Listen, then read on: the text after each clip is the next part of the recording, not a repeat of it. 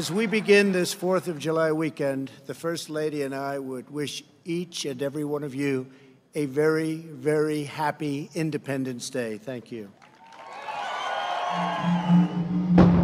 Setelah Presiden Trump berbicara selama 45 menit, kemudian pertunjukan kembang api di atas Mount Rushmore yang sudah selama 11 tahun tidak pernah diadakan karena ancaman bahaya kebakaran. Hai, saya Rifan Dwi Astono. Kamu sedang mendengarkan BTS Gedung Putih.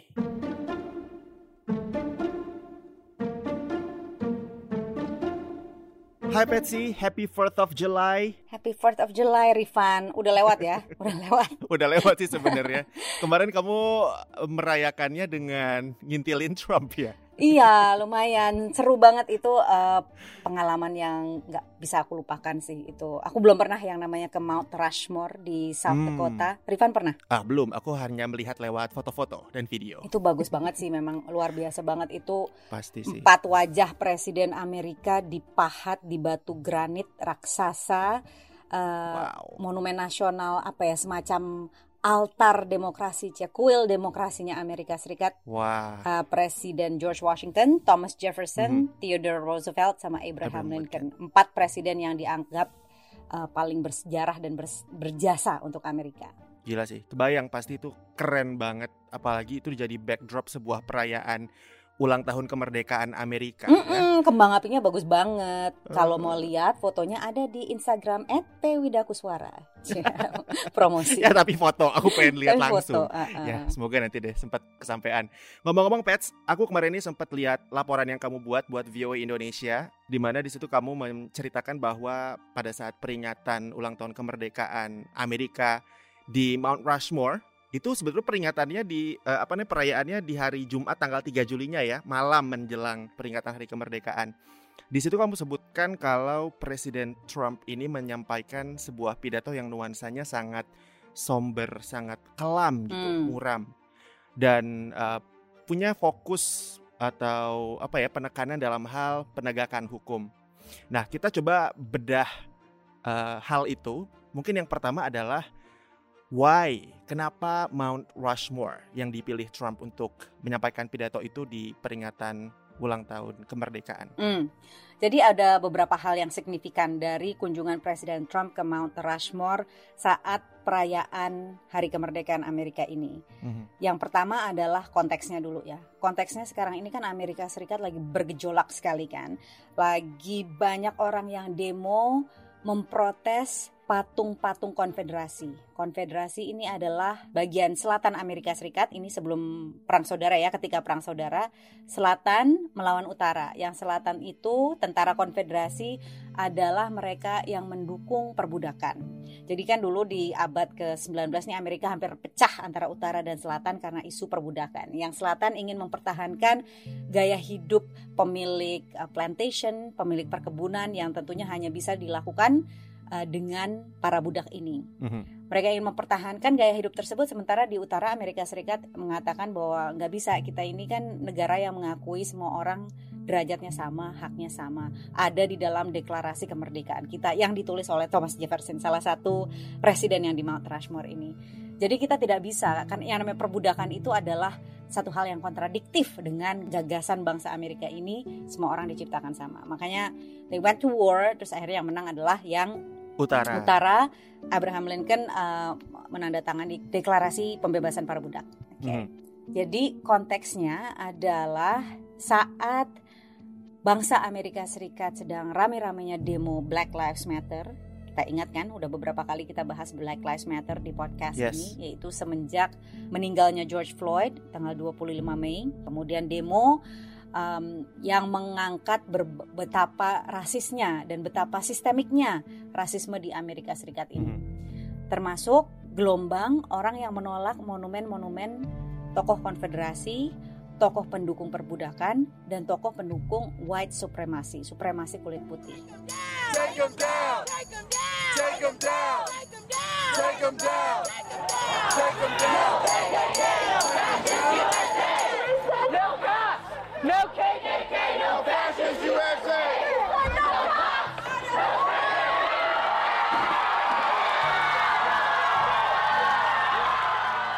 di tengah kondisi social unrest ini, Presiden Trump memilih pergi ke monumen terbesar yang dibuat dari batu yang tidak bisa dirobohkan. Mhm. Pesannya jelas. Kalau misalnya kamu tidak suka dengan orang-orang pendukung gerakan Black Lives Matter, sayap kiri dia katakan ya, Ya. yang mencoba merobohkan berbagai patung dan berbagai monumen sejarah bangsa kita yang ya oke kelam, rasis dan sebagainya. This is what I'm going to do. Saya akan berdiri di depan monumen ini dan saya akan akui sebagai inilah warisan budaya bangsa kita dan ini tidak bisa dihapuskan. I am here as your president to proclaim before the country and before the world this monument will never be desecrated. These heroes will never be defaced. Their legacy will never, ever be destroyed. Their achievements will never be forgotten. And Mount Rushmore will stand forever as an eternal tribute to our forefathers and to our freedom.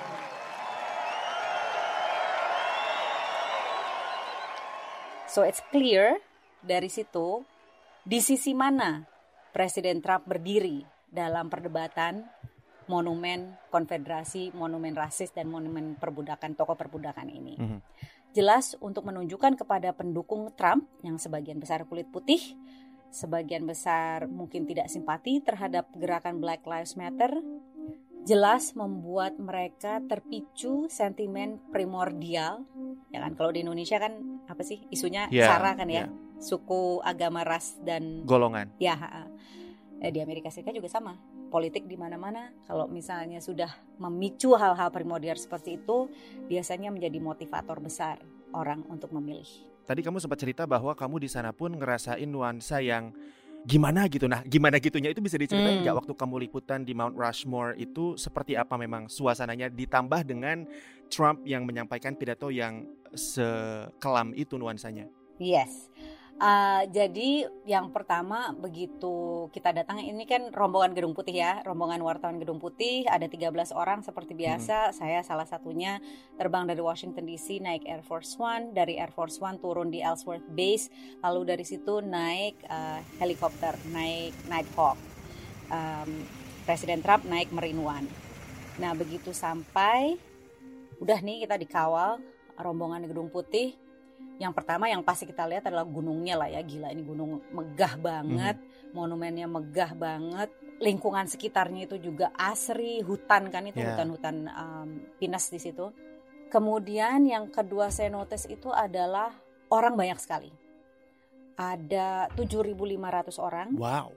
Meskipun banyak pakar kesehatan sudah meminta agar Presiden Trump membatalkan Mhm. ya kan? Karena yang namanya warga Amerika di tengah pandemi ini diminta untuk tidak merayakan 4th of July di tengah keramaian. Yes.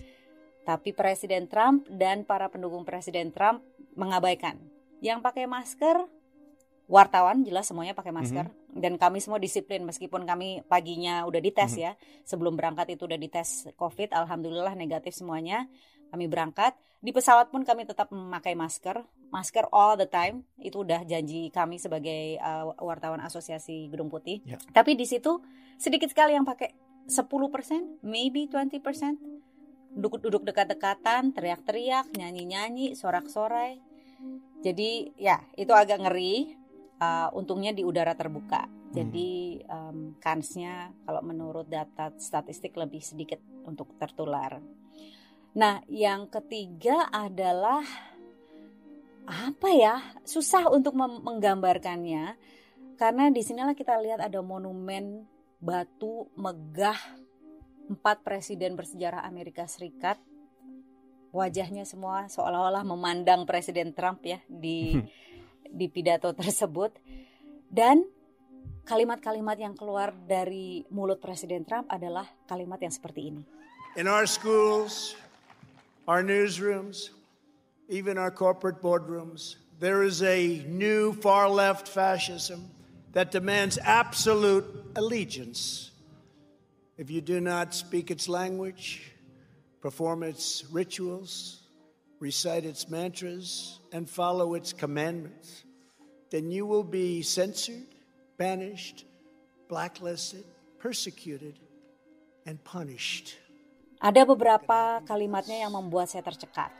Yang pertama adalah betapa ia menggambarkan warga yang tidak sepaham dengan dia, warga yang mendukung demo Black Lives Matter, warga yang menuntut um, dirobohkannya patung-patung supremasi kulit putih dan tokoh perbudakan. Dia gambarkan itu sebagai new far left fascism gerakan fasis, gerakan fasisme sayap kiri. Hmm. Jadi dan dia menggambarkan bahwa gerakan fasisme sayap kiri ini adalah sudah menyebar di mana-mana di Amerika Serikat, bukan hanya di sekolah, di media, kemudian di korporasi, pokoknya sudah mengakar di semua sendi kehidupan Amerika ibaratnya dia menceritakan seperti itu. Dan uh, kalau misalnya tidak setuju dengan mereka akan dibungkam but it's not going to happen to us. Dia bilang gitu. Dalam arti us sambil menunjuk ke ininya ya, ke pendukungnya. Yeah. Terus dia gambarkan juga orang-orang ini sebagai bad evil people yang bertujuan untuk menghancurkan sejarah kita, menghancurkan heritage kita, warisan budaya kita. We will not be tyrannized, we will not be demeaned, and we will not be intimidated by bad evil people. It will not happen. Dari situ, dari tema-tema seperti itu, tema us versus them, nadanya itu sama persis dengan pidato pelantikan Trump tahun 2017. Biasanya pidato pelantikan itu penuh dengan optimisme, sukacita. Mm -hmm. Presiden Trump berbeda. Nadanya muram, nadanya uh, kelam, dan penuh dengan peringatan akan American carnage, menggambarkan bahwa yang namanya bangsa Amerika ini udah morat marit, kacau balau dan hanya Trump yang bisa menyelamatkannya. The radical ideology attacking our country advances under the banner of social justice. But in truth, it would demolish both justice and society. It would transform justice into an instrument of division and vengeance, and it would turn our free and inclusive society into a place of repression, domination, and exclusion. Nah, setelah pidato tersebut tanggal 3 Juli, keesokannya di Gedung Putih, Presiden Trump sekali lagi mengadakan perayaan massal untuk 4 Juli yaitu namanya Salute to Amerika dan sekali lagi pidato. Temanya sama persis. Temanya adalah Us versus Them, kelompok sayap kiri fasis menyerang budaya Amerika Serikat. Dari kedua pidato tersebut, weekend tanggal 3 dan 4 Juli tersebut, kita lihat bahwa inilah yang akan menjadi platform kampanye Presiden Trump menjelang uh, upaya untuk terpilih kembali bulan November mendatang. Pets, koreksi aku kalau salah. Bukannya Trump itu waktu beberapa bulan yang lalu sempat menggaung-gaungkan kejayaan Amerika dalam bidang ekonomi ya. Kayaknya bukannya itu yang mau jadi platform kampanyenya dia di uh, re-election bid tahun ini. Betul. Jadi memang tadinya Presiden Trump itu mau running on economy dan biasanya Presiden uh, Amerika Serikat yang sudah menang masa jabatan pertama, masa jabatan keduanya itu akan selalu sukses kalau misalnya ekonominya baik, ya kan? Hmm. Kalau dalam politik Amerika kan uh, konsepnya adalah it's the economy stupid gitu kan. Itu kan slogannya seperti itu. Jadi whatever whatever else kalau ekonomi bagus biasanya akan terpilih kembali. Dan memang tadinya ekonomi Amerika bagus. Tingkat um, pengangguran rendah stock market tinggi dan sebagainya uh, growth juga tinggi dan sebagainya. Cuma kan kemudian terkena pandemi. Yes. Hmm, semuanya harus tutup ekonomi terpukul, pengangguran melonjak dan sebagainya dan sebagainya. Jadi Presiden Trump nggak bisa lagi mengandalkan narasi bahwa ekonominya kuat di bawah pemerintahannya. Hmm. So, what else can he do? Kembali lagi ke formula yang lama. Seperti pada saat kampanye 2016 Rifan ingat waktu dia kampanye 2016 fokusnya apa? Untuk menghalau imigran. My foreign policy will always put the interests of the American people and American security above all else.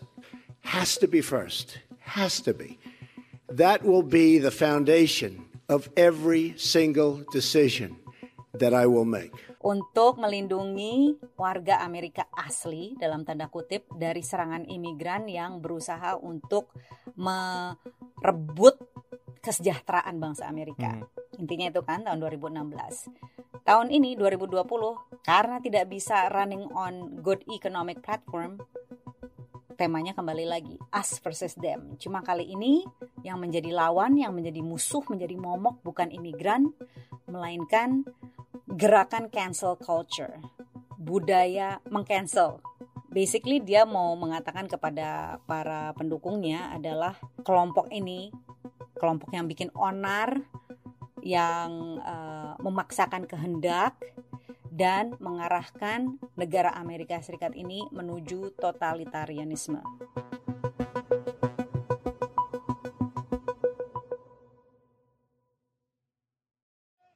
One of their political weapons is cancel culture, driving people from their jobs, shaming dissenters, and demanding total submission from anyone who disagrees.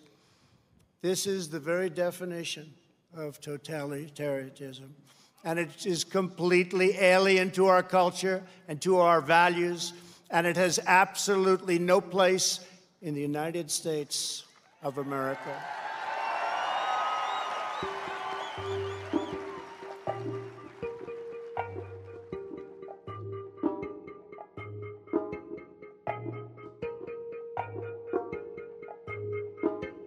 Pets, kalau sejauh ini dengan strategi yang demikian, gimana dong kansnya Trump ini di November mendatang saat Pilpres berlangsung? Hmm.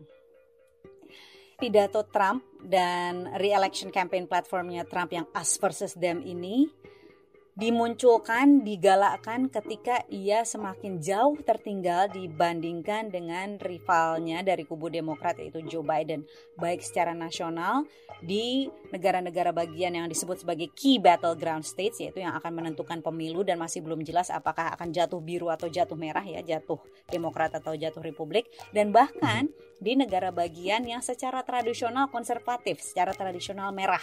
Contohnya Texas atau Arizona atau Missouri.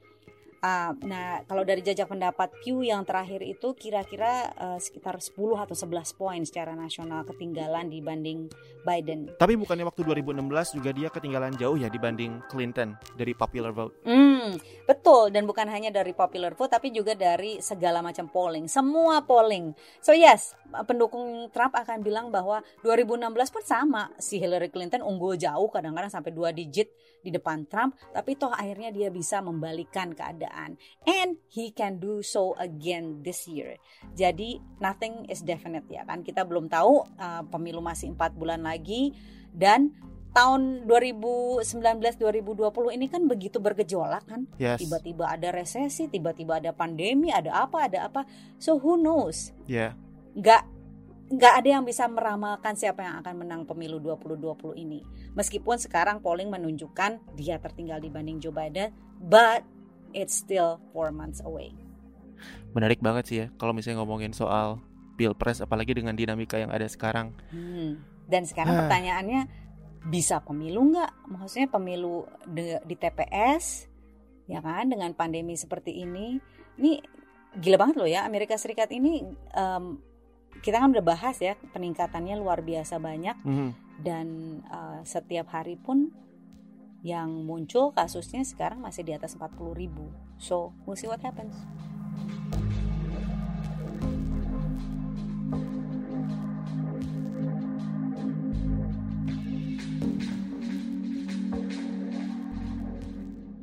Ikuti berbagai cerita dari kediaman dan kantor Presiden Amerika Serikat bersama koresponden Gedung Putih VOA Patsy Widakuswara dalam podcast produksi VOA Indonesia BTS Gedung Putih. Sampai jumpa.